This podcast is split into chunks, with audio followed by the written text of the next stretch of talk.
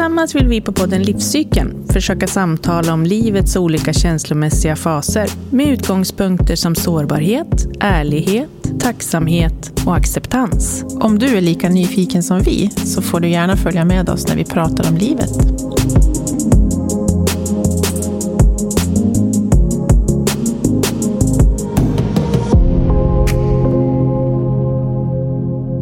Hej Linda. Hej.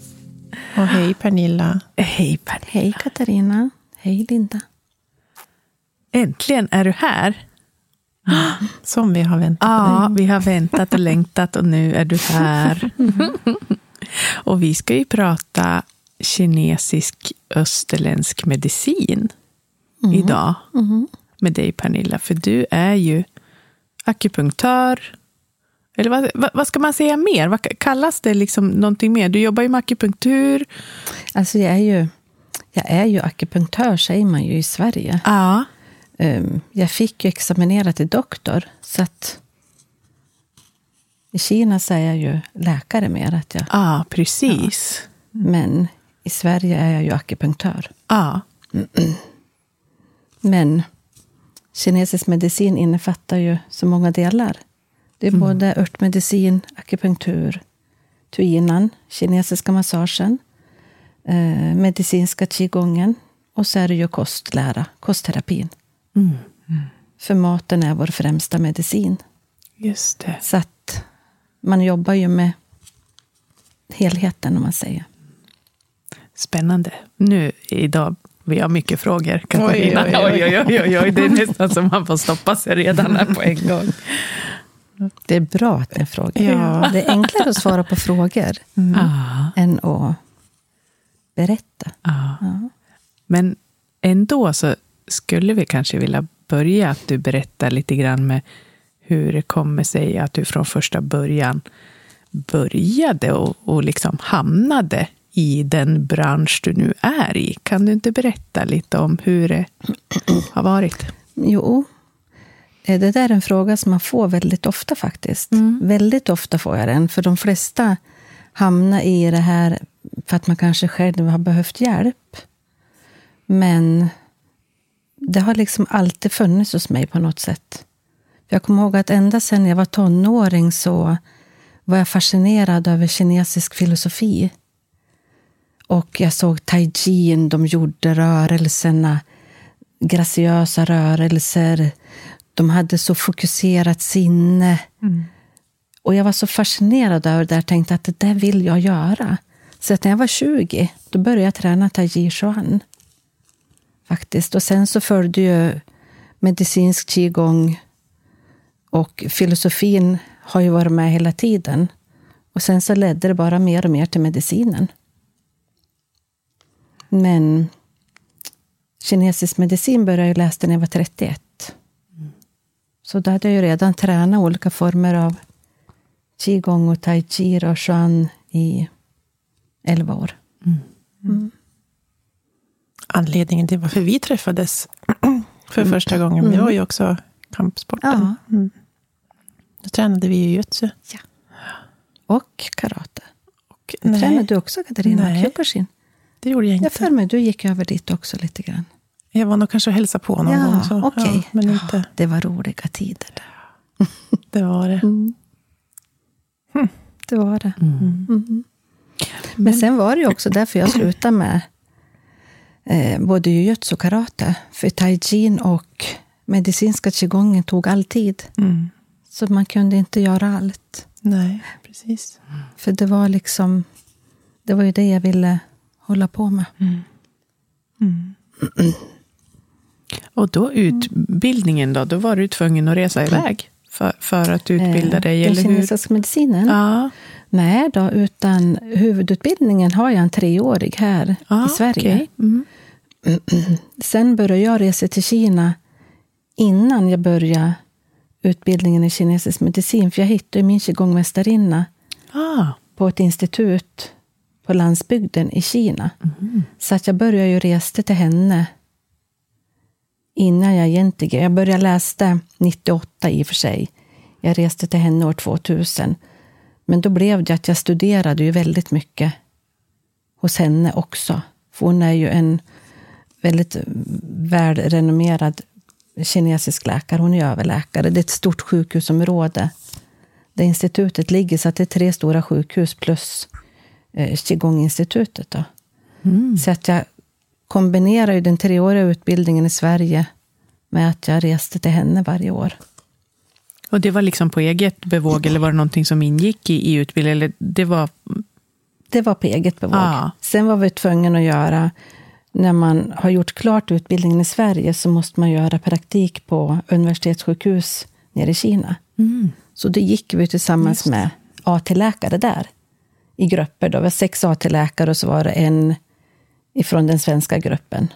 Så fick vi gå med dem, ja, och gå under deras överläkare, om man säger. Mm. Så de kombinerar då där nere eh, kinesisk medicin med vad vi då tänker västerländsk medicin, eller är det bara kinesisk medicin? Nej. Nej. Läser du i Kina, då läser du både till kinesisk läkare och västerländsk läkare. Ja. Här får vi, måste jag läsa basmedicinen. Den västerländska medicinen läser jag utanför. Det är det jag du har hållit på med nu? Den eller har jag gjort Ja. nu. Motsvarar de två första åren av läkarutbildningen. Mm. Så det måste vi ju komplettera på sidan om här. Det ingår ju i samma paket, om man säger, i Kina. Just det. Mm. Det är många års studier. Ja. Ja, det är det ju. Men menar, det är ju mitt största intresse. Mm. Det vet ju Mm. alla som brinner för någonting. Man vill ju hela tiden lära sig mer. Så det gör ju ingenting. Nej. Man får, får, har ju möjligheten att få fördjupa sig i det man Visst tycker- det skapade du också resor med för grupp- för grupper? Mm, jag har tagit med mig qigong-elever. Jag har ju åkt varje år ner till min qigong-mästarinna och varannat år har jag tagit med mig mina elever. Just det. Så att de får komma ner och träna Mm. på plats och träffa mästarinnan och träffa läkarna där nere. Och Mm. vara i miljön bara. Och då har ni varit borta ganska länge, va? En, Tre veckor, Ja. en månad. Mm. Mm. Det låter ju så, här det låter så himla häftigt alltihopa, tycker jag. Alltså, jag Ja. menar, alltså, det, ja, det låter ju... Vilken... Ja, men liksom en helt annan typ av utbildning, liksom, som... som eh, ja, det är ett helt annat tänk. Ja, det är Naturligtvis. tänk. Alltså, det, det är Oh, ju... Mm-mm. Det, Det är det, det. som här i, i, i Sverige kan då verka som att ja, men det där är ju, fun- fungerar ju inte, Mm. ungefär kanske vissa då tycker. Men att, att där nere så är det vedertaget att det ska kunna eh, klinga liksom i harmoni. Sådär. Ja, oh ja. Om man säger i Kina, där universitetssjukhuset, alla sjukhus nästan, de har ju en kinesisk avdelning och en västerländsk. Mm. Så man plockar ju hela tiden det bästa från båda medicinerna. Man, man utesluter ingen, utan det västerländsk medicin är bra på, det tar man därifrån. Och det kinesisk medicin är bra på, det plockar man därifrån. Och så sätter man ihop det, för att det ska vara så bra som möjligt för patienten. Man ju fokus på att patienten ska få bästa vården. Och då Och det är ju så fint. plockar man från båda. Men hur skulle du förklara för... det är inte säkert att alla eh, vet så mycket om kinesisk medicin, men vad är största skillnaden på kinesisk och västerländsk medicin? Alltså den kinesiska medicinen, den är ju holistisk om man säger. Mm. Den ser ju människan som en helhet. Man separerar ju inte den andliga, den emotionella, den fysiska kroppen. Nej. Utan man ser ju allting det som manifesteras i det mentala, det kan lika gärna manifestera sig i den fysiska kroppen och vice versa. Sen är det vissa omständigheter som gör att en obalans kanske manifesterar sig mer i mentala sfären hos en person och mer i den fysiska kroppen hos en annan person. Just det. Men det ligger ju samma obalanser bakom, till exempel. Ehm, Den västerländska medicinen är ju fantastisk. Alltså, det är ju symptombehandling, man kan gå ner på cellnivå. Man tittar på kirurgin, akutvården, den är ju liksom oersättbar. Så är det ju bara. Men den kinesiska medicinen är ju mer, mer kanske bättre på att förebygga, man behandlar obalanser innan de hinner manifestera sig som sjukdomar. Ja. Det finns ju ett uttryck, ett kinesiskt uttryck som heter Chawei Bing. Och det betyder just att man treat not yet illness. Mm. Att man ska behandla innan sjukdomar uppstår. Mm. Det är det ultimata. För när sjukdomarna har uppstått, då är obalansen så stark så att då är det svårare, eller det tar längre tid. Mm. Eller så är det mycket, mycket svårare. Till exempel en svår sjukdom som Parkinson. När en väl har fått sånt fäste i kroppen, då är det mycket svårare att behandla och få kroppen i balans. Mm. Än om man hinner ta det medan det är en obalans. Mm. Men eftersom man då inte västerländskt har de här instrumenten och, och ser det innan det manifesterar sig i något organ eller fysiskt, då kan man inte fånga upp. Medan det fortfarande mm. är på en obalansnivå, om man säger. Mm. Så på så sätt så kompletterar ju medicinerna varandra jättebra.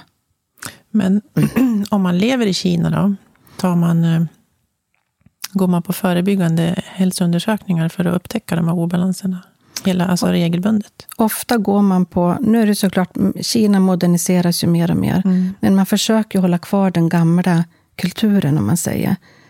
Ungdomarna, det vet jag, AT-läkarna jag gick med på universitetssjukhuset, de sa så här, men qigong, det var löjligt, det ska man väl inte träna. För att man ska ju träna styrketräning och så. Mm. Men om man pratar med de äldre människorna, då är det mm. självklart.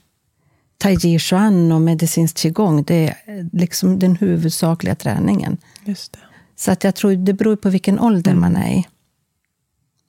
För jag tror även om det är förändrat bland ungdomarna så tror jag ändå att när de blir äldre så kommer de tillbaka till sin gamla kultur. Ja. Och då går man och kollar av. Mm. Man går till läkaren och läkaren gör, ställer en diagnos på en och gör, ger behandling på de obalanser han känner och så. Och då kan det vara i form av örter?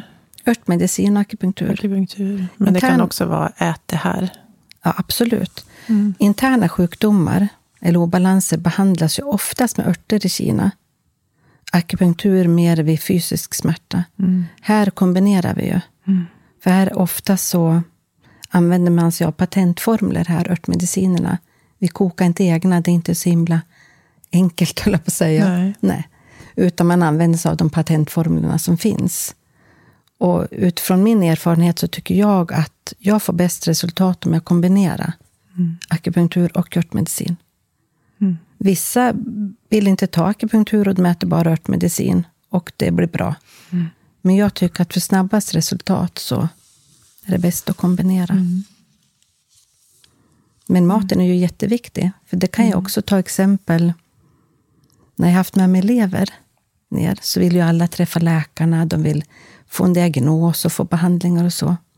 Och när de gör sitt återbesök, då frågar alltid läkaren att har du korrigerat din mat? Mm. Har du gjort dina qigongövningar? Har de inte gjort det, då får de gå tillbaka och har de gjort det och de inte är bra, då får de medicin och behandling. Ah. Så det är alltid mat och träning först.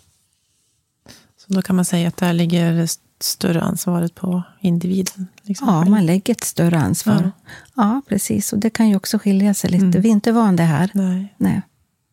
Men det vore fint om det funkade så. Oh ja. ja. Här är vi mer vana att vi får ett piller av läkaren mm. och så behöver vi inte göra så stora uppoffringar själv. Nej. Nej. Så är det ju. Mm. Men hur ser det ut i Kina där med sjukdomar? Alltså, vad är det för folksjukdomar som är... Mm. Nej, men alltså man, cancer, allting existerar där också. Mm. Det gör det. Då kan man ju gå djupare in på varför sådana saker uppstår. Och de har ju haft ett folk som har haft väldigt jobbigt, mm. varit väldigt förtryckta. Att det är mycket emotionella Ja, återhållna känslor. Mm, mycket, mycket. Alltså, här skulle vi kunna sitta i 17 mm. timmar känner jag. Nu, nu gick jag igång ordentligt. Ans, ans, ansiktsförlamning är väldigt vanligt i Kina. Mm. Bara på sjukhus där var det, var det två eller tre avdelningar bara för ansiktsförlamning att man mm. Och ja, men det blåser mycket och det är varmt så att man har AC. Och, men pratar med, pratar, pratar med de kinesiska läkarna Då säger de det att nej, nej, nej. Det är vårat stoneface, säger de. Mm. de har, I generationer har de varit tvungna att hålla masken. För att de visste inte vem de kunde lita på. Så att de är så stel i ansiktena så att cirkulationen avtar, om man säger. Mm. Och det bildas intern vind, då, som man säger i kinesisk medicin. Och då uppstår ansiktsförlamning. Så det är deras egen förklaring till varför det är så vanligt. Ja, det känns ju väldigt strikt. Jag vet Liksom Mao, att- på den tiden. Ja, strikt och lite, mycket skam och mycket Ja, hållas inom absolut. sin... Och de Ja. angav ju varandra, du, Mm. för att stå bättre i bättre dagar själv. Mm. Så kunde de ange till och med familjemedlemmar. Mm. Så att de har ju aldrig vågat vara... Mm. Mm. Mm. Spännande. Mm. Ja. Men jag ska också säga det att båda medicinerna bygger på beprövade erfarenheter. Men, och den västerländska då på aktuell forskning. Jätteviktigt. Och den kinesiska bygger på menar flera tusenårig beprövad erfarenhet. Att man verkligen har provat sig fram, behandlat, se vad som hände. Och plus med stöd av filosofin. Så Ja. att de bygger på olika saker och då är det ju svårt. Det går inte att jämföra dem egentligen. Men man kan jämföra resultaten och man kan kombinera dem med, med varandra. Mm. Men hur ser du på utvecklingen här i Sverige? För jag tänker att det är ju, det är ju eh, vanligare nu att man som du jobbar med kinesisk Mm. medicin än vad det var för 20 år sedan. Mm. Oh ja, vi är många fler Mm. utbildade. Jag vet inte, jag tror faktiskt att jag är tveksam till att vi någonsin kommer få vara godkända Mm. i Sverige och ansluten till Mm. Jag är väldigt tveksam till det faktiskt. Och en anledning tror jag tyvärr är att läkemedelsföretagen i Sverige har så otroligt starkt grepp. Mm. Det ligger mycket pengar i. Att det är en ekonomisk... Ja, jag tror att det är mycket det. Mm. Om man säger så, om man tittar, träffar läkare. Jag tycker läkare är mer och mer öppen och visat intresse faktiskt. Så jag, det har inte med läkaren att göra, utan jag tror att det har mer med ja, det ekonomiska intressen. Jag tror att det Industrin. spelar en stor del. Mm. Det tror jag. Mm. Sen säger man ju att deras, den forskningen, hur man bedriver forskning i Kina tycker man ju inte är riktigt korrekt här. Man gör ju lite olika, för här vill man till exempel att vi ska vän- använda, om någon kommer till mig med reumatiska besvär till exempel, och vill ha behandling för det, då vill man för att forskningen ska vara tillförlitlig i Sverige, då ska jag sätta exakt samma punkter. Om det kommer tio stycken till mig med reumatiska besvär. Okej. Men jag kan ju inte göra det, utan jag måste ju ställa individuella diagnoser. Jag måste, det finns så mycket som påverkar. Mm. Men allting omkring oss, kosten, livsstilen, klimatet. Mm. Jättemycket som påverkar. Och bakom de här, den, här, de här, den här smärtproblematiken kan det ligga många olika obalanser. Så jag kan ju inte behandla Nej, men det är omöjligt. Ja, ja, men precis, jag kan det inte behandla alla Nej. människor på samma sätt. Jag måste ju behandla dem utifrån deras individuella obalanser. Mm. Så därför går ju forskningen går ju liksom, den går lite stick i stäv om man säger. Men tänker du då också att alla som har reumatism har inte fått det av samma anledning? Alltså det finns så många olika. Ja, oh ja. Ja. Det finns många olika faktorer som, Mm. Som framkallar det här i kroppen. Må, patogener invaderar utifrån, sen beror det på hur man lever själv, vad man äter för mat. Mm. Det finns jättemycket olika orsaker som Mm. ställer till med de här obalanserna i kroppen. Mm. som framkallar reumatism. Då. Sen har du ju ärftliga faktorer såklart Ja. också. Mm. Mm. Men om man säger, eh, har du någon, nu kommer det ju så, naturligtvis så många olika personer till dig med olika symptom och problematik, men är det någon grupp eller någonting som är vanligast att man kommer till dig för? Har du någon sån? Det är det faktiskt. Det är klart, kvinnor är ju övervägande. Ja. Så är det ju. Mm. Men inte... Det är näst, sen är det också nästan mer interna sjukdomar än fysiska problem, om man säger. Mm. Allt från magproblem till menstruation, infertilitet. Olika kvin, kvin, kvinnorelaterade sjukdomar. Mm. Det är mest kvinnor som kommer. Mm. Sen är det precis som att det går periodvis. Nu har jag behandlat jättemycket endometrios. Det är alltid ofta, eller det är alltid mycket infertilitetsproblem Mm. som man behandlar.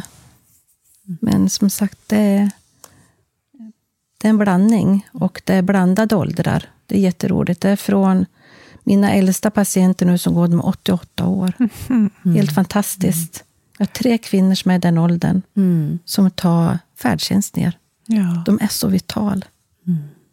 Det är så härligt att se dem. Ja, men för Man jag, blir så glad. Ja, härligt. Mm.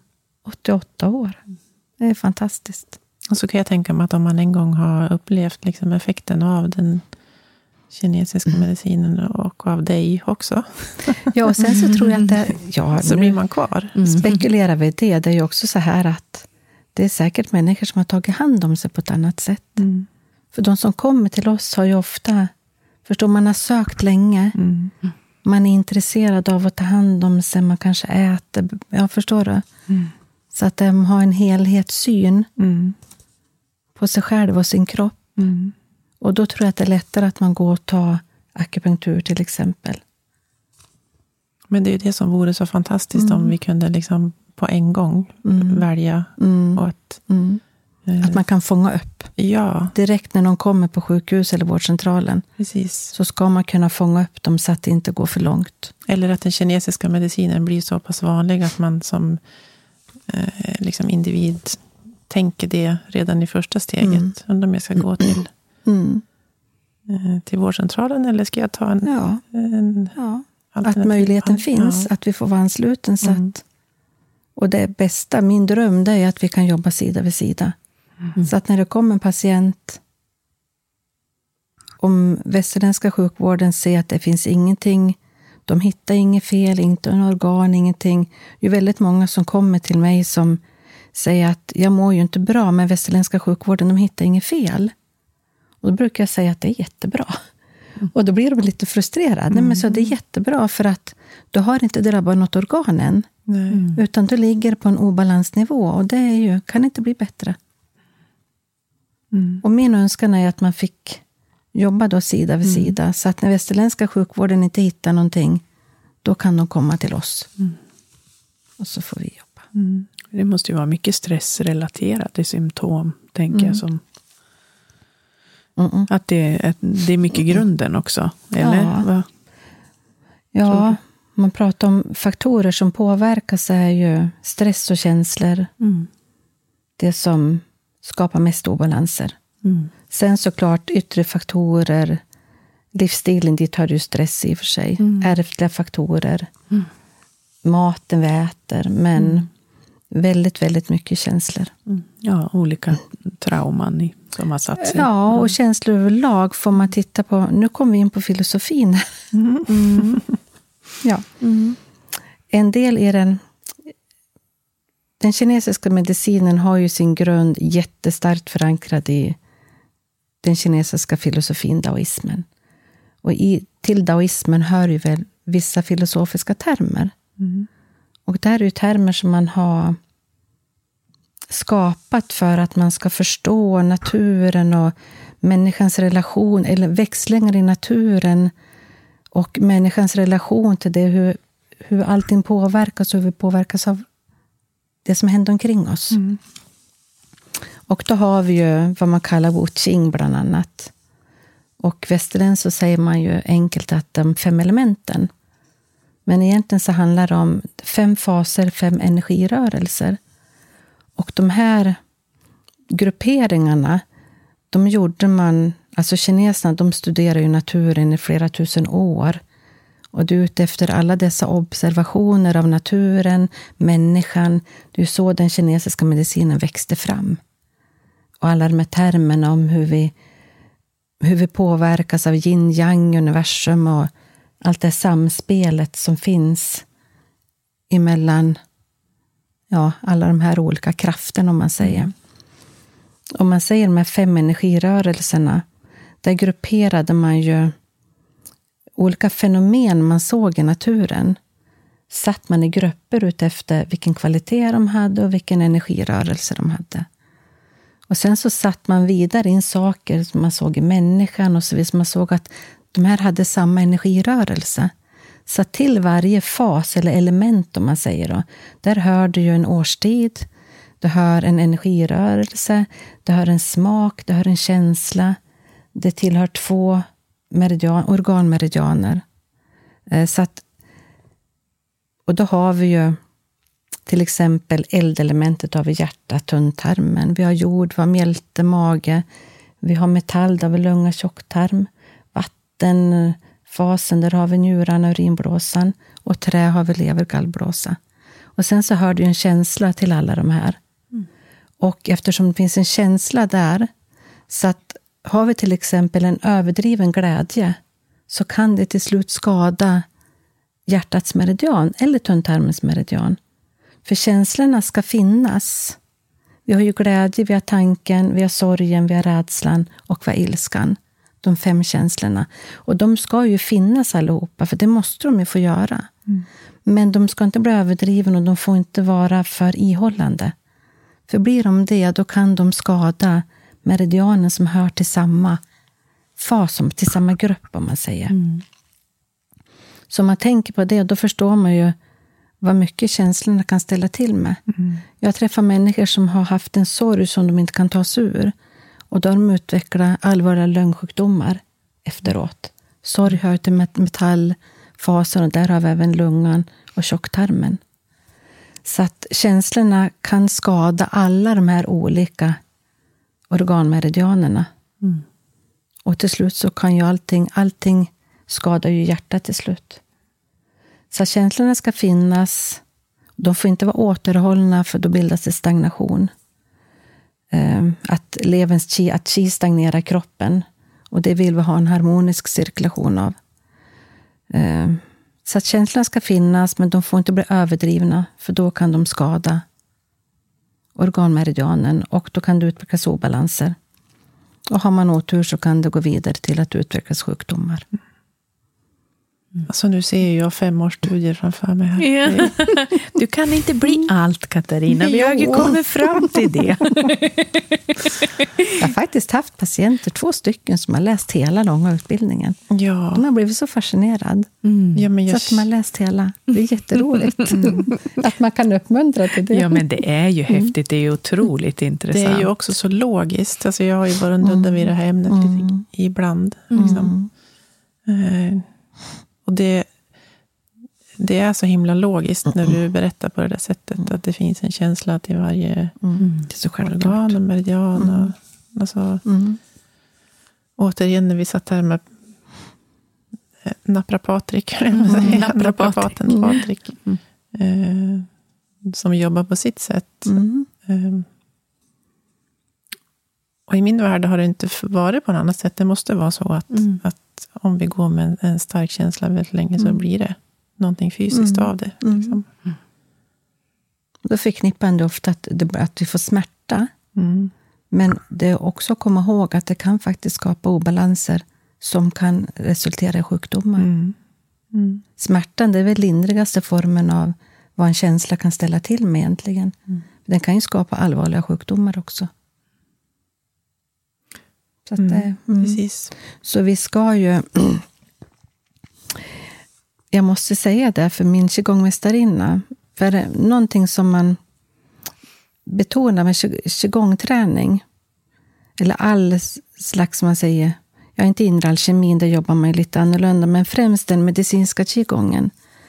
Där jobbar man ju bland annat därför att du ska harmoniera de här rörelserna och du ska ha harmoniska känslor, för det är så viktigt för hälsan.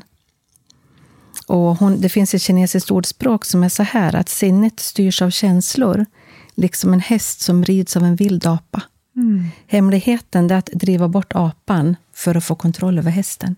Mm. Så att så mycket ser man ju att känslorna och sinnet påverkar varandra jättemycket och känslorna spelar oss ofta ett spratt. Mm. Mm. Och så säger man ju svenskt också. Mm. Så att det är... Så då tänker man del. att alla, alla känslor måste få finnas såklart. Mm. Eh, men bara för att man inte är lika mycket arg som man är glad, mm. så behöver inte det betyda att det blir en stagnation. Nej, nej, nej. nej. Om du inte är lika mycket arg, det är bara tecken på att din levermeridian är harmonisk. Men om man aldrig är arg då? Nu kommer en typisk Katarina-fråga. Ja, man aldrig är arg. Du kan, om det gäller dig, du kan nog bli arg om det händer vissa händelser, Katarina. Mm, absolut, ja. men inte men, i vardagen. Liksom. Nej, men det är väl jättebra, för det är bara tecken på att din levermeridian är harmonisk. Så då det finns jag ingen inte vara rädd för att jag får stagnation. Det finns ingen stagnation där och det finns inte hetta. Sen kan du ha en gymbrist i levern till exempel, som uttrycker sig på andra sätt. Mm. Men du har ju inte stagnation, för har du stagnation då är du lätt irriterad. Mm. Om du har hetta då är du ilsk. Mm. mm. Så att, Nej, dit hör jag väl mm. inte. Nej, jag tror inte vi hör dit. Någon av oss. Nej. Inte just nu i alla fall. Inte just idag. ja. Mm. Det är väldigt fascinerande. Mm. Mm. Men förlåt, jag avbröt dig. Mm. Nej, det gjorde du inte. Gjorde jag inte det? Nej. Det kändes som att jag var ivrig. Nej, det är du absolut inte, Katarina. Ja, men det men, är ju, ja, alltså mm. det, det, är ju, helheten är ju väldigt mm. fascinerande. Mm. Och, och jag tänker, för man får ju så mycket tankar i huvudet nu. Ja, men okej, okay, när jag har känt så där eller gjort så där och så får jag den här känslan då i kroppen. Vad det nu än kan vara. Och, för jag kan ju ibland har känt, beroende på det känslomässiga, så att jag nästan blir som lite febrig nästan när jag har djupdykit i någonting. Liksom, mm. sådär. Något känslomässigt, att jag känner mig nästan som lite febrig mm. och trött och, mm. och, och sådär. Och då, nu blir man ju så här, ja, men, jaha, i, i, i det här fallet, liksom, vad kan det liksom tyda på. Alltså det kommer mm. ju upp mm. så mycket mm. funderingar. Mm. Liksom. Mm. Vilka organ det är som, som... Det beror på vad det är för känsla. Ja, precis. Ja. Men Linda, du har ju fått behandling. Ja. Jag gick ju på akupunktur hos dig, Pernilla, under en ganska lång mm. tid. gick ju jag väldigt intensivt. Det gjorde du. Uh, Hur upplever du alltså själva behandlings... Nej, men jag tycker ju att eh, dels först och främst så är ju du Pernilla en sån fantastisk person som man känner ju liksom när man kommer dit och, och, bara första samtalet kommer jag ihåg när jag ringde till dig. Det kommer jag liksom okay. aldrig att glömma för mm. det var verkligen så här, det var som en kram liksom mm. genom telefonen. Mm. Eller så var det så att jag var på en plats där jag kände mm. kanske att jag behövde det mm. också naturligtvis. Eh, men du var så otroligt liksom lugn och det var verkligen så här att det är klart att du ska, bara kom hit så ser vi mm. liksom vad som händer. Tack, så känns mm. sådär. Så det var ju sådär, jag var ju det var, min känsla var redan att nu har jag kommit hem. redan innan jag hade kommit oh, till dig. Liksom. Så, mm. så att, först det var ju helt fantastiskt. Mm. Men sen så, ja men akupunkt akupunkturen som vi gjorde sen då, var, eller som du gjorde på mig, var ju det var ju väldigt intensivt. Jag, mm. På mig gjorde det ju rätt, har det liksom gjort rätt ont liksom mm. i, i, olika... För jag hade ju ganska mycket blockering och, mm. och, stagnation. Och, ja, jag hade väl det mesta man kan ha, tror jag. Mm. inte allt, nej, det hade jag inte. Men några, några grejer naturligtvis, som alla. Några grejer ja, har vi alla. Några grejer har vi alla, så det är inte så. Men... Så att ibland så var det absolut, alltså det känns ju ibland. Ja, vi ska, vi ska ja, inte säga det. att, att det, man sätter in en nål och, och, du skruvar lite på den och det, det känns inte. Det är klart att det gör det. Ja. Liksom så. Det kan kännas när du jobbar. Ja. Och, det, och det är ju det, det tyckte jag var jättehäftigt, att man känner verkligen hur det jobbar. Liksom, att någonstans så känner man, okej, det här är ju jättebra egentligen. Och man känner också sen när det liksom avtar. Liksom, sådär. Så att, och de olika gångerna, och verkligen tydligt var det ju vilken fas jag var i, i månaden i min cykel. Liksom. Eh, hur, hur det kändes och på vilka ställen det kändes. Det var jättetydligt. Och likadant då under behandlingen, att du då så bra förklarade också att nu känns det så här på grund av det här och det här. Och då fick ju jag en större förståelse för också Aha, men det är därför jag känner så här. Ja, men okej, då kan jag släppa det. Liksom. Eller det är därför jag gör lite ont på det stället. Ja, men det är inget konstigt, liksom, för nu är du här liksom, i din cykel. Så att det var ju väldigt pedagogiskt liksom, så också. Och, Och det är sen- viktigt att förstå Ja, Mm, men vad som händer i verkligen. kroppen. Ja, jag tyckte att det var så bra och så tydligt och kändes så tryggt, verkligen. Och eh, någon, efter ett tag när vi hade hållit på med behandlingen så började jag känna någon form av liksom lättnad. Jag kan nog inte... Ja, det är nog så jag får beskriva det. En lättnad i kroppen, liksom, inombords. Så att det var som att... Ja, det, det är svårt att förklara, men, men det kändes liksom som en, en, en suck liksom, inombords på något vis. Att det var någonting som kändes så mycket lättare. Liksom, att, att det kändes som att, att blodet liksom flödade på ett nytt sätt i kroppen, verkligen, tyckte jag. Kul. Ja. Jätteroligt. ja. Är det chi då, som hon beskriver? Eller? Nej, alltså det kan ju bara vara att du kanske kände som en lättnad för att din kropp började komma i balans. Ja. Och då upplevde du det Ja. Upplevde du det så, att det kändes som en lättnad? Ja, det var som en Ja. behaglig, en helt annan typ av behaglig känsla i hela kroppen. Liksom. Mm. Så att, eh, ja, jag mm, ja, rekommenderar verkligen. Det gör jag.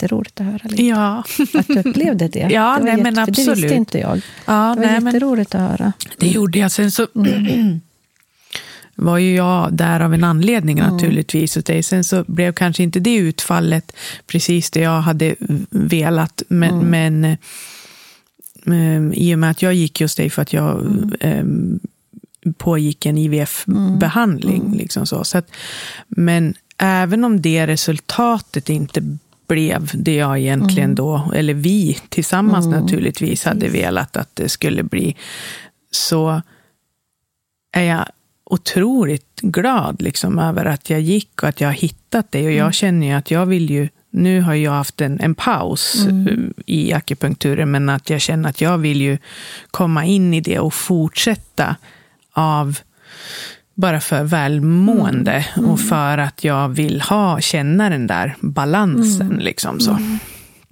Verkligen. Tack för det. Tack för att jag fick behandla dig. Ja, tack.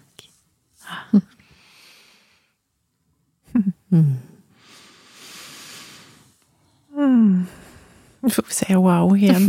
Ja, det, vi träffar ju så många fina eh, människor. Och det är ju just det där att, som sagt, att även om, om, om just den behandlingen som vi då gjorde så intensivt inte ledde exakt till det jag i mitt hjärta ville allra, allra mest naturligtvis, ehm, så ledde det ju liksom ändå till någonting bra, känner jag.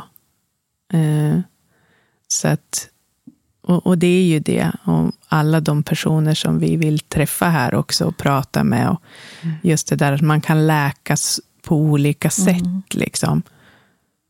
Så att jag tyckte att i vilket fall som helst så gjorde den där behandlingen så många andra goda saker med min kropp. Och att jag kunde känna det. Liksom. Och att jag var olika andra knutar som löstes upp också. Ja, för vad jag kommer ihåg så kom du vart ju bättre balans. Ja, verkligen. Men sen är det ju det att ibland kan man ju... Om till exempel om det är många som kommer in för IVF Mm. Och för vissa går att man behandlar dem inför en IVF-cykel. Men andra kanske måste gå några fler cyklar innan kroppen har hunnit komma Mm. I rätt balans, som man säger. Mm. Mm. Så det är så olika hur lång tid det tar. Ja, verkligen. Så är det. Mm. Det är ingenting som går att tidsbestämma. Nej. och som du sa innan, det är ju individuellt. Vi är Ja. olika individer Ja. med olika mm, typer av, Ja. av ba- sitter olika hårt. Ja, Ja. men det gör ju Mm. det. Det Och, sitter olika och, hårt. och, och arv också naturligtvis, vad, Oh ja. vad vi har. Så, så att, eh, ja. Det är så mycket som spelar in hur hårt obalansen är förankrad i kroppen, om man säger. Mm. Så att, och då tar det olika lång tid. Ja, Mm. precis. Mm. Mm. Man förstår ju verkligen att man inte kan behandla alla på samma sätt. Nej, precis. Även om jag har förstått Ja. det innan. Men det, det blir så väldigt Mm. tydligt när du Mm. förklarar Mm. Mm. på det sättet. Och att det blir konstigt när vi försöker göra det. Ja, då blir det fel. För jag brukar säga det. Jag faktiskt prat, jag var i diskussion med en kirurg en gång. Pratade om det här att vi är ju alla olika och det höll ju den personen med om. Mm. För hon sa det att det vet ju jag också som, för jag öppnar ju upp människor. Och jag säger ju till och med att människor ser olika ut Mm. på insidan, fast vi har samma organ. Mm. Så ser vi ändå olika ut. Så även ur vår synvinkel så vet ju jag också att vi är olika. Och det går inte att det går inte att göra samma sak Nej. på alla människor. Nej. Så är det. Vi, vi är individer. Mm. Mm. Men det vi ändå har som är väldigt lika, tänker jag, det är att vi blir påverkade av känslor väldigt mycket. Mm. Oh ja. Eh, och att det kanske är konstigt att tro att vi inte blir det. ja, men vi har ju kanske, jag tror inte vi har den, vi har inte det sättet att se här. Vi är inte van att se det på det sättet. Det börjar nog komma mer och mer nu, vad vi förstår vad känslorna har stor betydelse. Jag tycker det. Att det blir Ja. vanligare att Ja. vi... Mm. När går vi tillbaka Mm. 20 år, så, Ja, eller ännu längre, så pratar man ju inte om känslor. Liksom. nej.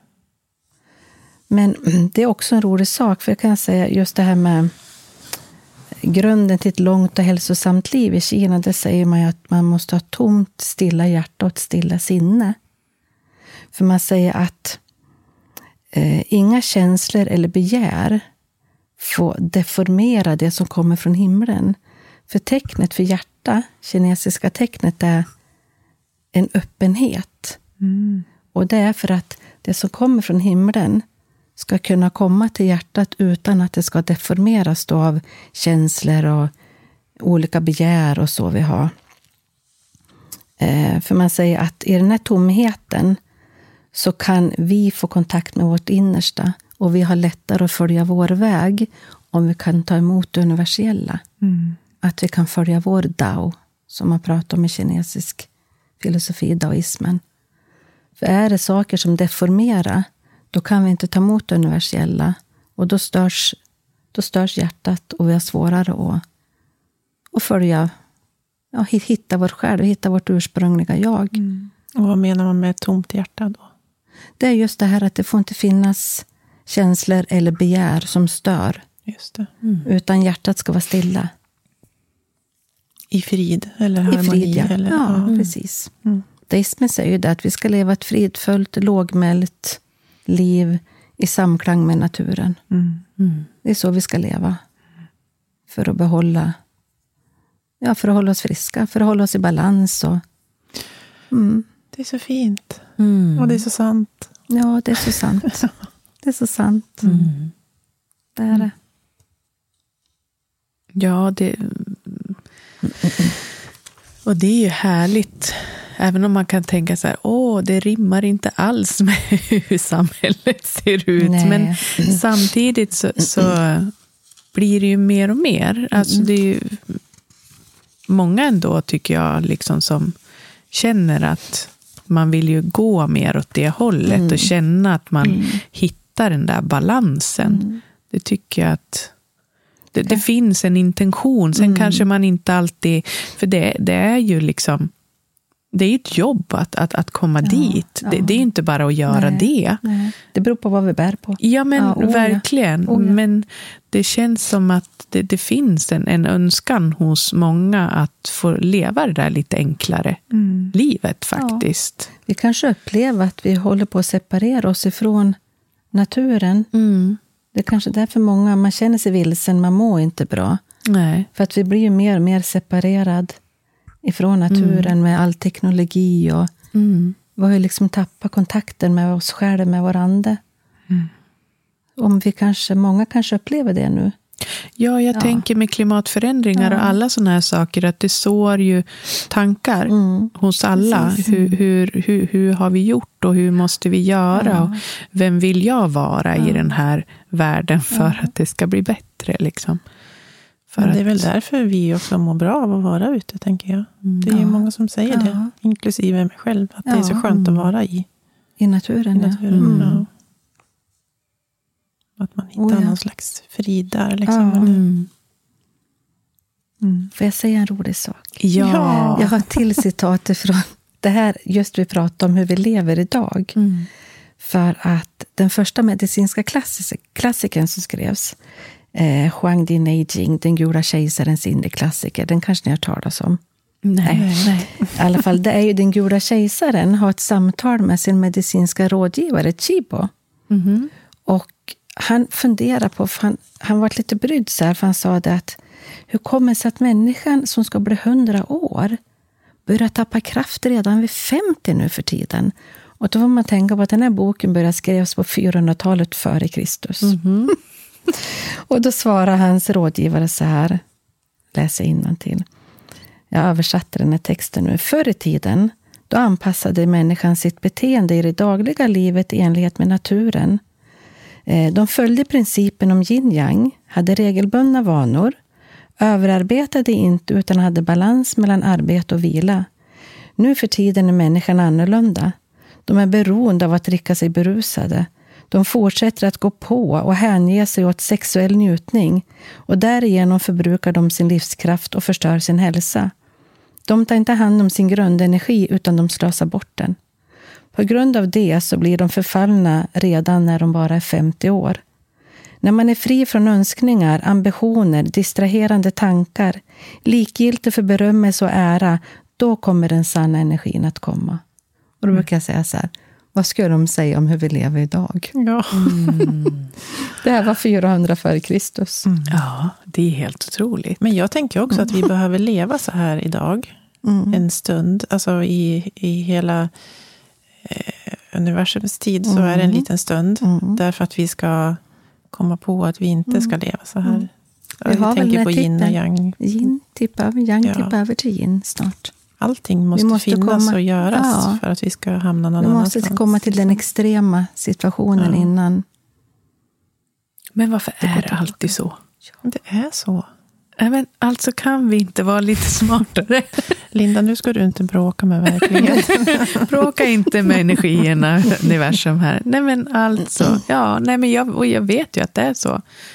Det är ju så i så mycket att man, det liksom, man drar det till det yttersta innan man kommer på att det här är ju inte hållbart. Liksom. Men tror du att man kan få en insikt om man inte har gjort det? Då? Om det inte har blivit tillräckligt jobbigt eller gjort tillräckligt ont Nej. på något sätt. Det så går kanske inte. man inte liksom helt... Nej, det kanske är så hos de flesta. Sen Ja. finns det kanske de som är förståndigare. Ja, Ja, det kanske det gör. det kanske gör det. Ja, och sen är det ju några som aldrig kanske kommer till insikt utan att man vill inte. Nej. Man fortsätter i den där ilskan eller den där sorgen eller den där vad det än kan vara för att, och det, ja, som allt som vi har sagt förut, det är jobbigt att glänta på dörren liksom. Men, men jag tänker i alla stora saker liksom, i, i, som är det här universum och liksom i, i, i stort, liksom att vi Mm. vi håller ju på och förstör mycket saker. Att vi ska måste förstöra så mycket, vi människor, innan vi förstår att, Mm. att det är inte bra. Ja, det är synd. Men jag tror att det ska vara så. Mm. Det är bara min känsla kring att det är så vi lär oss. Liksom. Mm. Men jag vet inte. Nej. Jag tycker att, ja, nej, nu hamnar vi in på en annan diskussion här känner jag. Nej, den där sparar vi. Mm.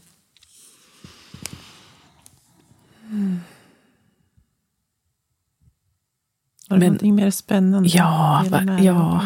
Men mer spännande. Mm. Allting är ju Det spännande. beror på vad ni vill höra. Allt är så spännande. Vad vill vi höra? Vi vill höra om själen. Om själen. Ja, hur tänker du kring själen? Oj, kring själen.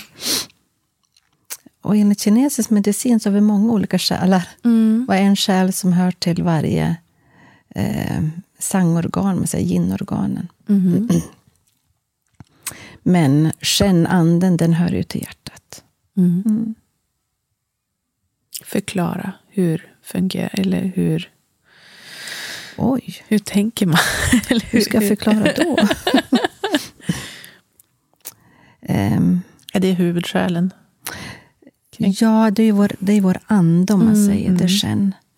Men en sak, en själ som är ganska viktig för kvinnan om man säger. Mm. Det är den som, hon heter det, det är leverns själ och det är ju den som styr vår mentala sfär.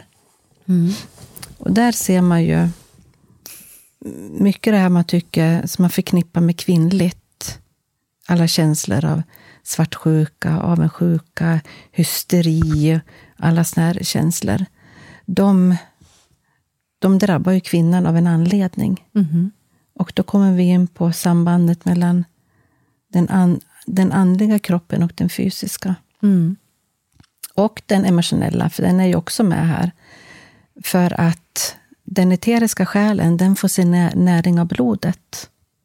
Så är blodet svagt så får den mentala sfären inte tillräckligt med näring. Mm. Och då uppstår alla de här känslorna som man förknippar med kvinnligt. Avundsjuka, svartsjuka och så vidare. Mm. För förr i tiden så hade jag en kurs som hette Kvinnans hälsa. Och då gick vi, dels så fick de lära sig en kvinnans qigong, men sen så gick vi även igenom kvinnans olika faser. Man delar upp kvinnans cykel i sjuårscykler, Mm. eller kvinnans årscykel i sjuårscykler i kinesisk filosofi. Och sju år, 14 år, 28 år och så vidare. Och i den här kursen då, då gick vi även igenom vad som hände i kroppen och hur kroppen påverkas och hur mentala sfären påverkas. Så jag sa ofta till kvinnorna som kom till mig att jag tyckte att de skulle ta med sig sina män också. Så att de förstår Ja, precis. varför kvinnan har de känslor hon har och så vidare. För det är ju för att vi har ju, går ju omkring egentligen med en brist på blod. Eftersom vi tappar blodet i menstruationen, kroppen ska jobba för att bygga upp blodet igen. Det är en ständigt, ständigt arbete i våra kroppar. Mm. Och det är lätt att vi får en blodbrist. Och då drabbar det den eteriska själen, hon. Mm. Så det är enklast att förklara ett samband mellan själ och kropp Mm. där. För det påverkar så rent fysiskt. Ja, det har vi ju sagt Mm. någon gång förut, att det finaste man kan göra mm, gentemot en partner, en kvinnlig partner, då måste ju någonstans ändå vara att lära sig kvinnans cykel. Det Ja. måste väl vara en kärleksförklaring om något. Liksom. Ja, och förstå varför saker Ja, och ting händer. Precis, exakt. Ja, ja, men att det är det finns konstigt. en fysisk orsak bakom. Det finns en Så ren obalans i kroppen. Ja, Så att man, och även viktigt för kvinnan att förstå. För Ja, många kvinnor absolut. kommer ju och säger så här till mig att det är något fel på mig, kan de säga. Jag är så svartsjuk. Eller, mm. och då ligger en sån stark obalans bakom. Jag säger att det är inte alls något fel på dig. För det här är inte du. nej. Utan här har vi en obalans bakom och den ska korrigeras. Och då kommer du att bli bättre balans och må bättre. Så att det är jätteviktigt att förstå samband mellan de här tre olika kropparna man pratar om. Mm. Jag tänker också en... att vi i ganska tidig ålder skulle få lära oss det där. Mm. För att det ska skapas en acceptans kring, Ja. framförallt hos män, tänker jag då. För det är ganska ofta man hör att alltså det raljeras lite över Ja. kvinnans cykel. Ja. Nu är hon på det här humöret Ja, igen. Eller, precis. Ja, Absolut. mens nu snart? Och just det här hyste- hysterisk... Förstår att kvinnor är Mm. hysteriska. Och Ja, och Ja, det där kan vi det ju. inte det finns en orsak riktigt. bakom. Ja, det finns en Ja. orsak. Ja. Så det är En fysisk orsak Ja. finns det bakom. Mm. Det har inte med vårt psyke att göra Nej. som man kan tro. Mm. Som man tror då. Det kommer ut på det sättet, men det är inte Ja. det det är. Mm.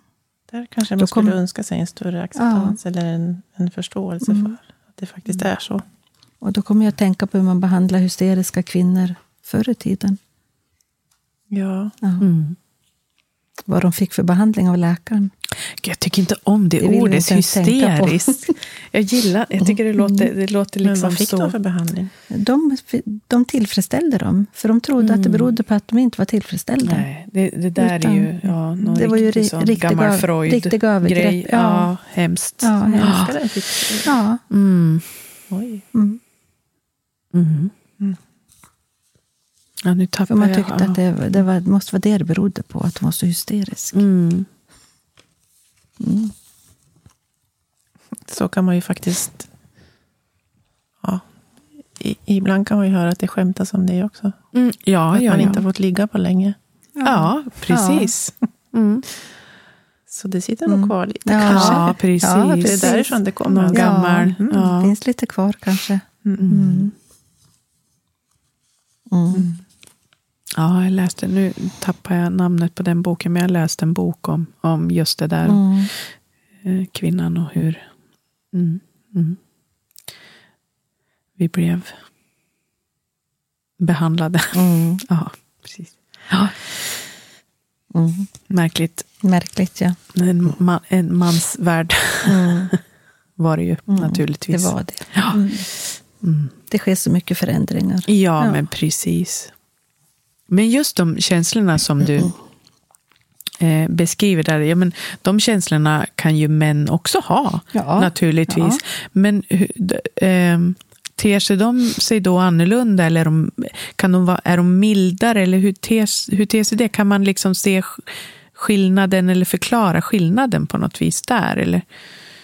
Det beror på hur stark obalansen är. Mannen kan ju också ha en blodbrist. Ja, Ja, har han en stark blodbrist, då kan han också ha starka känslor. mm, Absolut. precis. Så det är ingen skillnad. Nej. Det är det att det är vanligare hos kvinnan eftersom kvinnans kropp är så utsatt som Ja. den är just på grund av menstruationen. Mm, Men män kan absolut drabbas av det här. mm, Och har, en män, eller har män den problematiken, då finns det en obalans bakom, precis som hos kvinnan.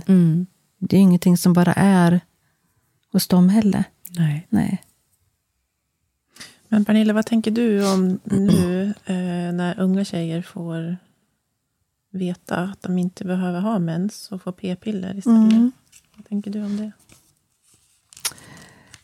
Jag tror ju, eller kinesiska medicin, det är ju inte bra. Nej. Vi manipulerar ju med kropparna, Mm.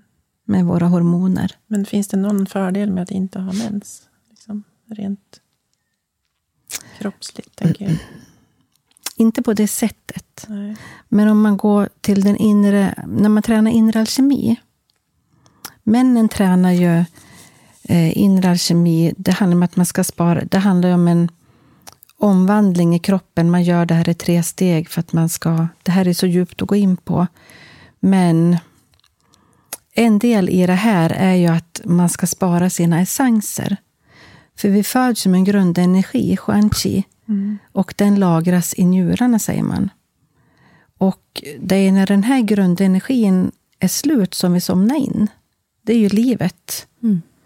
Och det är ju en av anledningarna till att man tränar qigong, eh, inre alkemi. Det är för att man ska nära och stärka kroppen så mycket att man inte tar av den här grundenergin.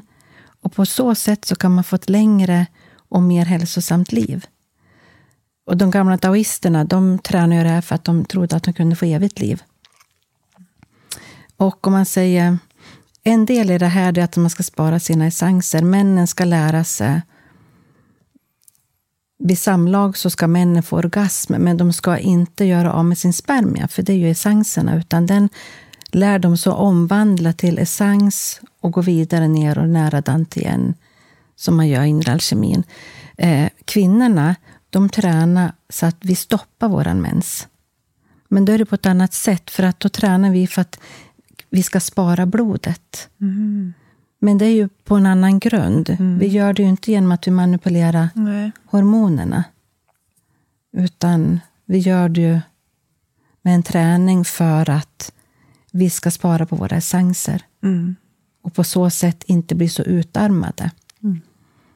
Kvinnan ska ju, man säger vid sju gånger sju, när kvinnan är 49 år, då ska hon sluta menstruera. Och det gör vi nästan. Det stämmer ju väldigt väl faktiskt. De mm. flesta är ju 49, 50 en del 51. Och det är bra att vi gör det, för att då ska vi spara vårt blod. Då blir kroppen starkare och vi får ett längre liv. Mm. Och Det är det man också ser, att blod, eller håret får mer näring när vi får mer blod i kroppen. Kvinnor kan få lite skäggväxt och så vidare. Mm. Så att, men det är på en annan grund, om man säger. Ja, vi manipulerar ju inte hormonerna, Nej. för det är ju inte så hälsosamt. Nej. Så ur den synvinkeln så är det ju inte bra. Sen är det bra om vi inte gör med så mycket blod. Mm. Men inte på det sättet. För det, det är ju leverns meridian som har med sköta hormonregleringen i kroppen. Det hör ju till essenserna. Och manipulerar du för mycket med hormonerna, då kan det uppstå obalanser i leverns meridian. Och det kan sätta sig på menstruationsproblem, det kan sätta, ja, det kan sätta sig det kan ju drabba leverns organ fysiskt. Det kan drabba gallblåsan, som är parmeridian med levern. Mm. Det kan eh, skapa infertilitetsproblem och så vidare. Eftersom levern är väldigt ansvarig inom de här områdena. Mm. Så jag tror inte att det är så hälsosamt faktiskt. Det känns inte så. Nej. Mm. Nej, att tillföra någonting liksom som inte... Som inte är naturligt. Nej, Nej. Visst. Mm. Mm.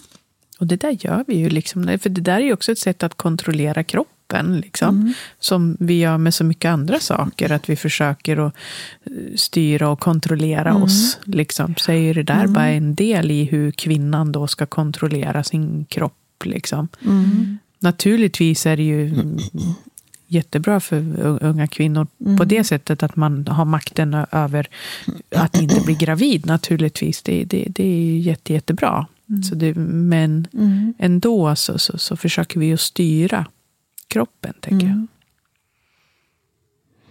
mm. Och det är också en del i daoismen, om vi ska komma tillbaka dit. Mm. Det är att vi inte ska försöka kontrollera, utan människan ska ju att vi ska leva i harmoni med naturen och dess olika växlingar mellan yin och yang. Vi ska leva i harmoni med årstidernas växlingar, mm. dygnets växlingar och så vidare. Och att ju mindre vi försöker styra vår tillvaro, ju mer vi lever eh, det finns ett uttryck, uttryck som heter wu-wei, det betyder icke-handlande. Ju mer vi lever utan att försöka styra vår tillvaro, kontrollera allting, desto mer så kommer vi kunna leva efter vår Dao, som vi ska leva. För det är när vi försöker kontrollera allting, mm. så blir det inte alltid bra.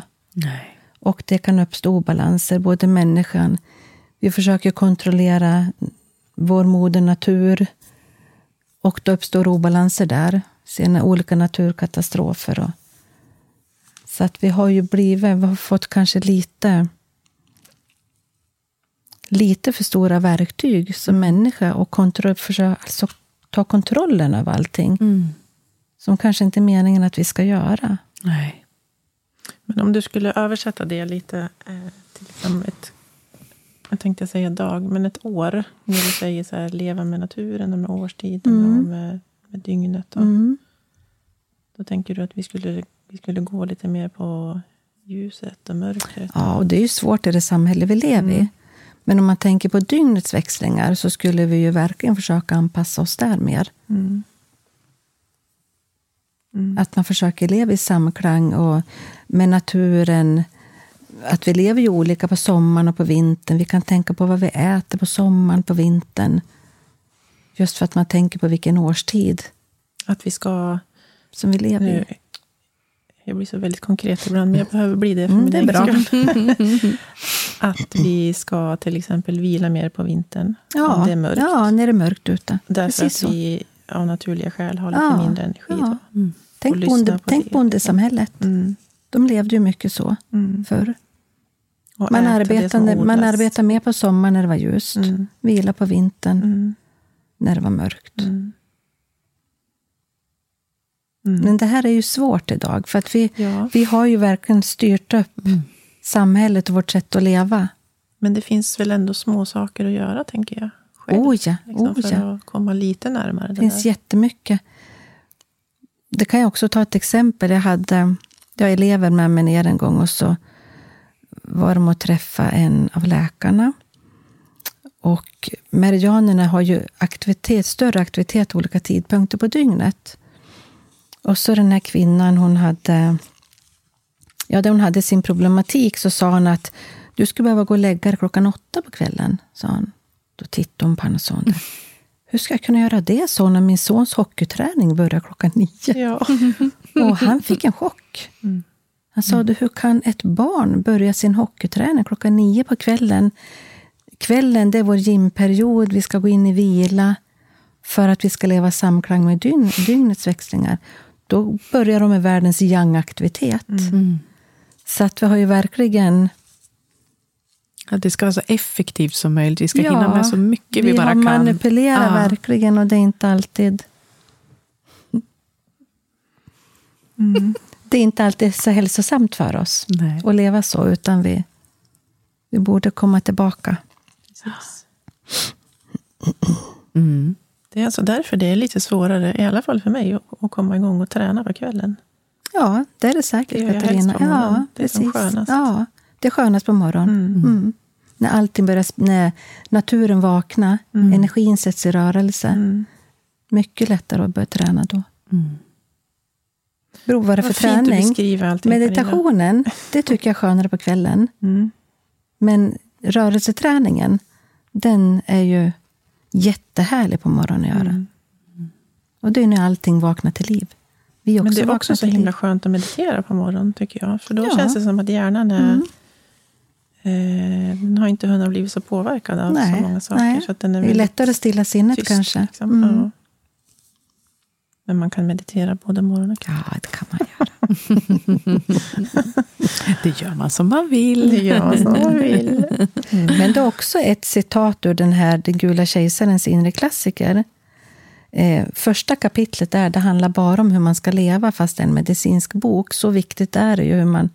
Och första kapitlet är ju ganska många sidor. Men det skrev man så här att man will survive when following the law and die when acts against it. Mm. Så självklart är det för dem att vill vi behålla hälsan så måste vi leva. Ja, så. Ja. Mm. Och the law där, det är ju naturen, att vi ska underkasta oss. Mm. Inte ställa oss över den. Utan försöka leva i samklang med den. Mm. Hur kan vi ens tänka och tro att vi kan ställa oss över naturen? Det är väl kanske för att vi har, vi har blivit så duktig, förstår du, på... Mm. Alltså människan har ju blivit så skicklig på... Ja, och stegvis göra det Ja. också. Mm. Att vi har skaffat oss kunskapen och då har vi tappat förståndet kanske. Mm. Girig Giriga är vi är vi tyvärr. Ibland. Mm. Ja, inte så mycket i det här rummet. inte så girigt. Nej, nej, nej. Det är ganska sällan girigt. Men i världen i stort. Mm. Och det där kan jag tycka är... Det där är ju, ja men du och jag pratat om ganska mycket på slutet här nu. Just den där... Jag kan ju bli alldeles sorgsen. Liksom. Jag kan ju känna så här hopplöshetskänsla inför den män, människan.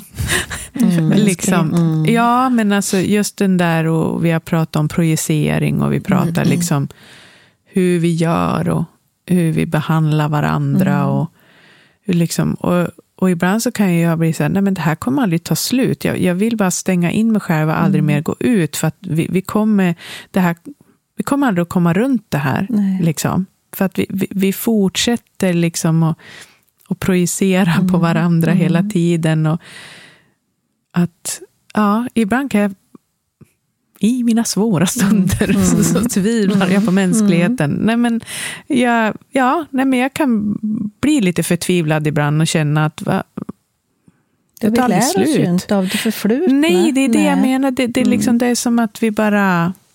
Vi måste ju samma Stånga misstag pannan. om och Ja. om igen. Mm. Och det är där det vi pratade om innan. Vi måste göra fel för att vi ska... Ja, men vi förstår ju aldrig att vi gör fel. Nej, Någon men gång. Också, jag kan ju landa i någon väldigt liksom, tillit till att det är därför jag brukar säga det till dig. Att det, ska vara, det måste vara så här nu. Mm.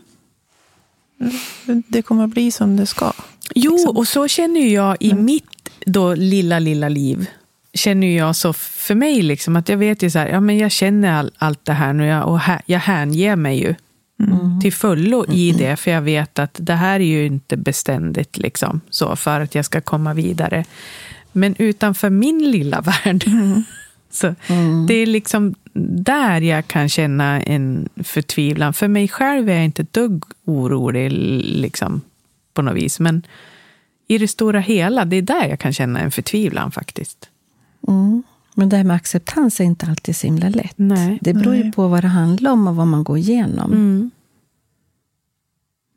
Tror jag i alla fall. Vissa Mm. går igenom sådana svårigheter. Det är inte alltid det är inte alltid lätt med den här Nej. acceptansen då och, och tänka det som vi vet att allting är precis som det ska vara. Mm. Och det kommer ut någonting gott utav det här. Mm. Det kommer någonting bra. Mm. Den här förändringen ska bli. Mm. Men går man igenom en svår sak så kan det vara väldigt, väldigt jobbigt att höra det, att någon säger det till en. Ja, det kan nog vara väldigt För det beror på vad provocerande. man går igenom. Ja, absolut. Sen vet vi ju alla att, det har vi ju alltid sagt, att det kommer någonting gott ur det. Mm. Ja, men jag, det jag menar, det är Så klart är att det kan ju. vara provocerande. Men jag tänker om, man, om vi skulle börja öva på den här tilliten till att det blir bra Ja, till slut. Liksom, allting löser sig. Ja. Så kanske när den här tuffa saken kommer, eller när tredje tuffa saken kommer, så kanske det är lättare att Ja, eh, oh inte stanna kvar för länge i, Ja, oh i ilskan eller sorgen eller besvikelsen eller vad det nu är. Mm. Men alltså det, nu kom det där upp i huvudet för mig som vi var med om. När vi var, vi var ju på en lång promenad för några veckor sedan. Mm. Precis i den här diskussionen som vi hade, du och jag, om hur olika man ser på världen och vad ska den ta vägen. Mm. Så stannade ju vi På en brygga. på en brygga. Ja. Och så stod vi där ganska länge och Ja, bara var länge helt stod vi och var tyst. Och vi bara var tyst och vi njöt. pratade ja. lite, fortsatte den här diskussionen. Och så på den här bryggan så fanns det en skylt. Ja. Vi behöver inte gå in på vad det stod på skylten, men, men det som var så roligt var att till slut så kom vi på, det var du som sa någonting Ja, om skylten. jag sa så här, oj, nu var det någon som försökte vara rolig, för det stod ju ett ord och så var det någon som hade lagt till några streck så det skulle stå ett annat ord, då, nå- något könsord eller vad det nu än var. Och i det här så säger jag det, oj, oj, oj, nu var det någon som försökte vara rolig, säger jag. Och så tar det en ganska lång stund, tog det. Och, och så tittar Katarina på mig och säger, det, men jag fattar inte. Vadå mindre än A, säger hon. Så då ser ju hon bara strecken som någon har försökt satt dit. Som blev, ja, det såg ut som att det var en pil och ett A, mindre än A. Mm, men Tänkte men det roliga var ju att diskussionen vi hade haft, plus att vi båda två hade stått och stirrat på den här skylten Mm. i, i varsitt hörn och tolkat den helt olika. Mm. Jag var i någon matematisk formel. Ja, och ja, ja, visst. Och jag såg det så var så tydligt himla- det där tramsiga ordet som stod där. Som det var en sån punkt på vår diskussion. Att Ja. ja, det är verkligen, vi, vi Mm. väljer att se det olika. Liksom. Mm. Och då gapskrattade vi Ja, fem minuter Mm, säkert. Stod vi där. Ja. Men, eh, återigen, vi är olika och vi tolkar Mm. saker på olika sätt. Mm. Och man kan inte behandla alla lika. Nej. Nej. Nej. Mm. Så är det. Så är det. Mm. Men vad känner du Pernilla i just det du håller på med dagligen? Vad är liksom Känner du att i det du gör att det finns liksom ett budskap där som du tycker är viktigast av allt i, liksom, i den filosofin eller i den? Har du någon Hur tänkte du då? Nej, jag tänkte om du har i, själva filosofin, om det är någonting som liksom tilltalar dig, eller är det helheten, eller finns det någonting i den som tilltalar dig mest liksom inom? Alltså filosofin. filosofin och medicinen går ju hand i hand. Mm. Så vi, vissa filosofiska uttryck, vad man ska säga, det måste vi ha. Det måste man kunna för att vi ska kunna ställa en diagnos och förstå orsak och samband i kroppen och så vidare. Men sen man säger någonting som, det är ju daismen i sig. Mm. Hela den livsfilosofin som tilltalar mig. Mm. Som jag sa, att man ska leva fridfullt, lågmält med en ödmjukhet inför naturen. Att vi ska underkasta oss den. Mm. Att vi ska leva, försöka leva med ett icke-handlande wu-wei. Mm. Att försöka med den acceptansen. Mm. Man, tar, man försöker följa med flödet. Mm. Men framför allt det här med deras relation till naturen, om man säger. Det är väl det som tilltalar mig Mm.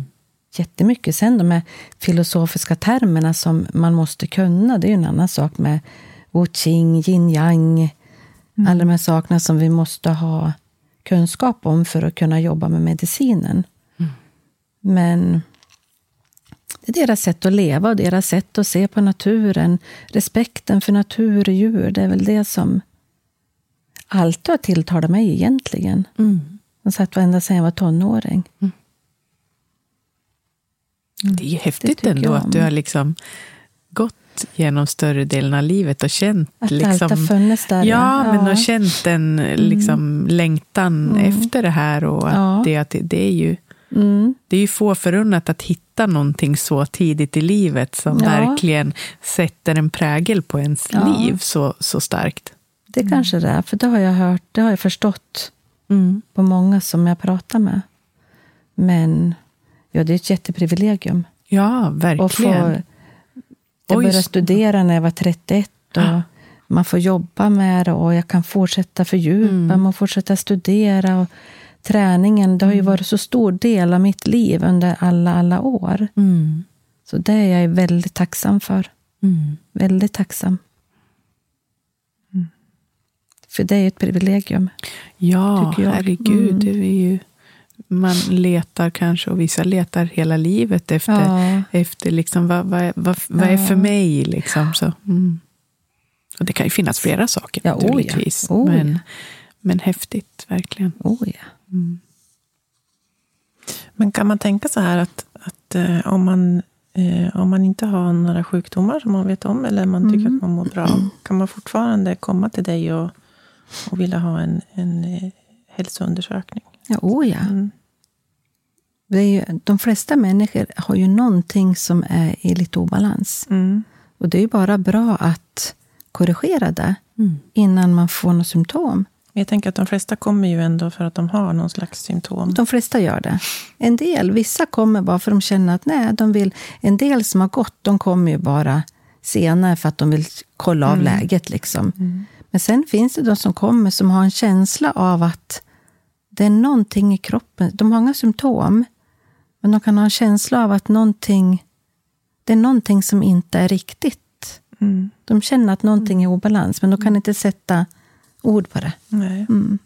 Det förekommer. Men man skulle lika gärna kunna tänka att nu ska jag göra min 50-årskontroll hos Pernilla. här. Ja, ja, absolut. Och jag går och gör min kontroll hos västerländska sjukvården. Jag går och tar prover där. Jag Jag, tycker det är lika viktigt. det, ja, det är liksom. lika Mm. viktigt. Mm. Det är det. Mm. Mm. Ofta väntar vi för länge. Mm. Vi väntar, ofta har man kanske gått till västerländska sjukvården länge, så att när de kommer till mig så obalansen är så stark. Och då tar det ju tid. Mm. Då tar det ju längre tid Precis. att komma till rätta med det. Mm.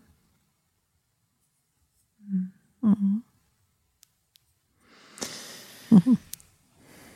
Det finns så många goda ting Mm.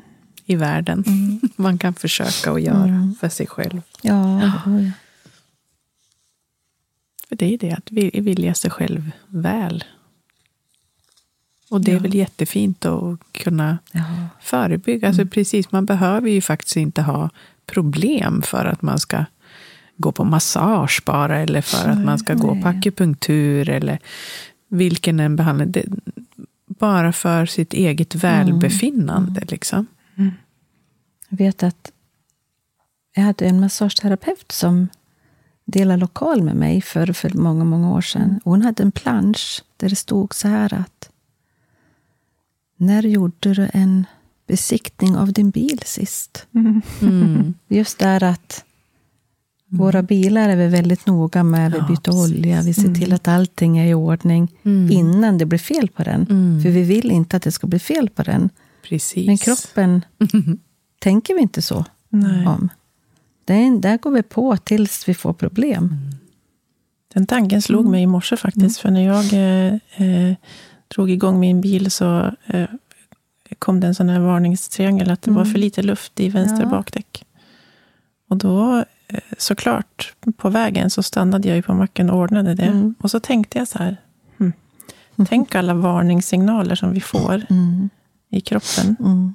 Men inte gör vi väl det samma förmiddag. Liksom. Nej. Det kan vi ju gå med Mm. flera år ibland. Mm. Tills det blir allvarligare Ja. symptom. Mm. Vad roligt att du sa just det. Ja. Ja, det är liksom vi har... Då är det som att då ska man, man, ska inte, man har inte den tiden då helt plötsligt. Nej, man prioriterar inte sig Nej, själv. Nej. Precis.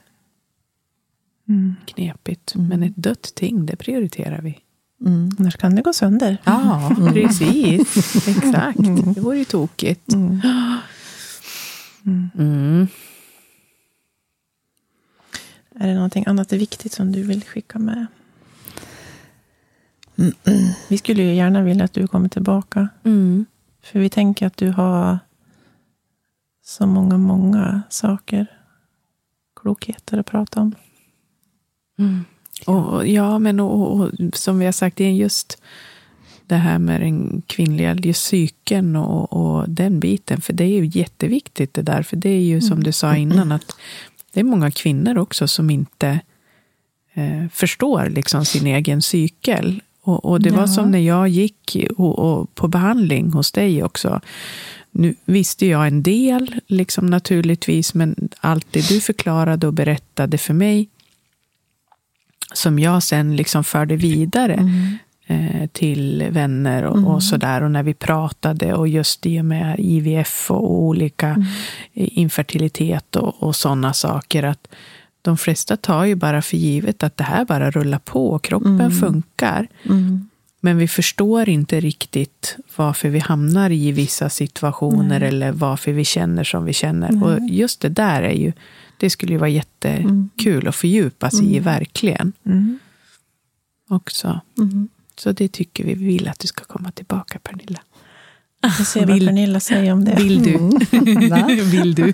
Ja, det vill det absolut. Ja, vad bra. För det känns som att det är ett helt eget program. Mm. Ja.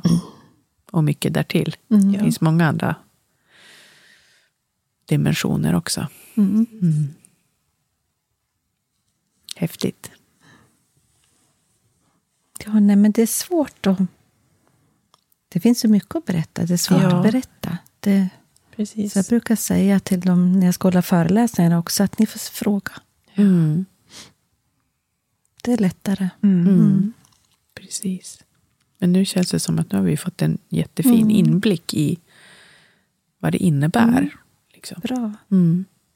Det är först, första steget Mm. av förståelsen. Mm. Ja, Och ännu mer nyfikenhet. ja verkligen. Och jag ska Bra. Komma på behandling nu snart. Igen, det Du blir är så bra. välkommen, Ja, Linda. jag längtar. Mm. Det var länge sedan vi pratade tacksamhet faktiskt. Ja, ja, det var det nog kanske. Eller vi behöver inte prata om det, men vi, Nej. vi, i början så Mm. avslutade vi med en liten Ja, runda okej. av Mm. vad vi kände oss tacksamma för. Mm. Kanske Pernilla vill börja Har du någon tacksamhet för dagen? Just idag eller just nu? Oj, nej men jag känner, oj. Jag känner alltid, eller vad säga. Jag känner tacksamhet när jag vaknar på morgonen. Nej, men jag tycker det är så viktigt just det att det är en ny dag.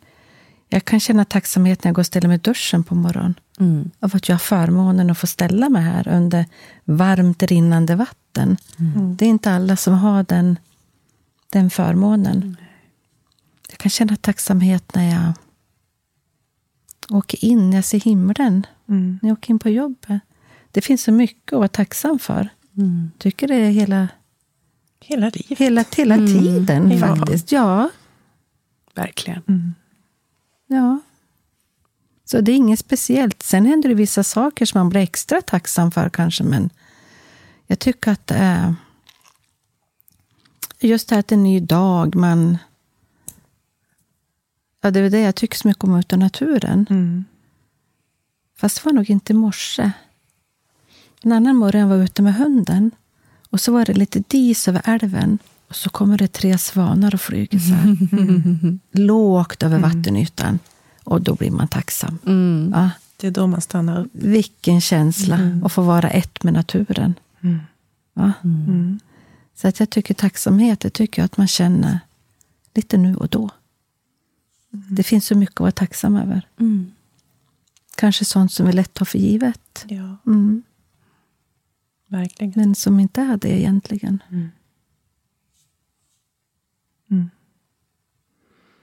Katarina? Du, jag tänkte säga sen du Nej, Linda. du. Jag håller med dig Pernilla. Jag håller på att öva lite extra på det nu faktiskt. För jag läser en bok om det. Eh, Och har förstått att det är det som är grejen till hälsa också.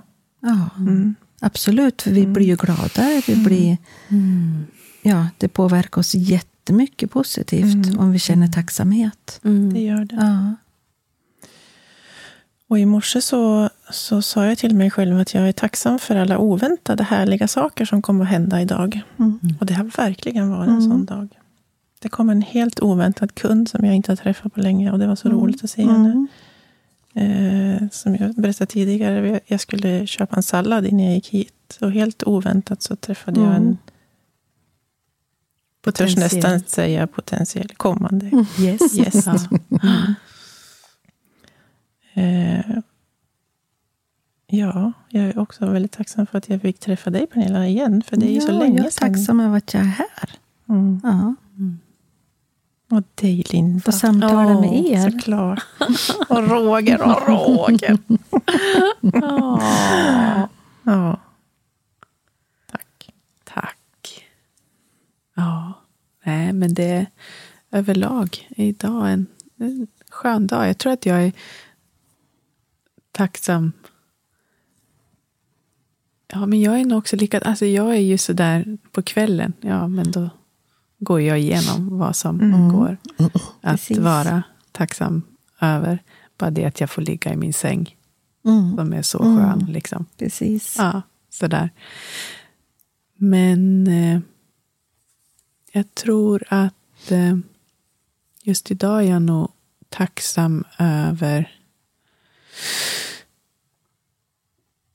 att jag eh, jag vet att jag har lite liksom under veckan här lite nya spännande liksom personmöten som jag känner så där att ja, ah, vad häftigt Mm. det ska bli. Så det är jag så tacksam över. Att träffa ytterligare nya människor i livet. Mm. Så det är jag. Det ska, det ska liksom förgylla ännu mer, tänker jag. Så det blir härligt. Precis. Em, en, min, min lärare i inre alkemi, han sa så här åt oss att när ni går och lägger er på kvällen, då vill jag att ni är tacksam över fem saker. Mm. Och sen så vill jag att ni tänker på vad ni har kunnat gjort annorlunda. Mm. Om det är någonting som ni har kunnat gjort annorlunda idag. Mm. Att man verkligen rannsakar sig själv. Och det är också en del i, i vår inre utveckling. Mm. Och det har jag tagit fasta på sen, sen han sa det. Verkligen. För det är viktigt. Ja. Mm. Det kanske bidrar till att hålla hjärtat tomt. Jag tänkte säga öppet, Ja, tomt och så- som du sa. Ja, och så säger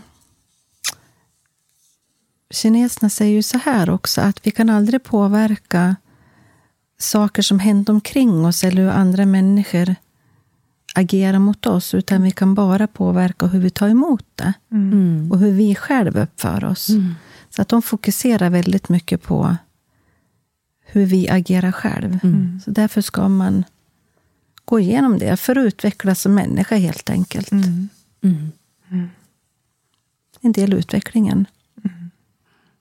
Att Och se vi- det som ett lärande så att man Ja. inte ligger där på kvällen och, och slår på sig själv lite för att man gjorde fel. Nej, Utan- nej, utan det är mer att vad hade jag kunnat gjort annorlunda? Mm. Inte att jag gjorde någonting fel. Nej. Absolut Nej. inte. Nej.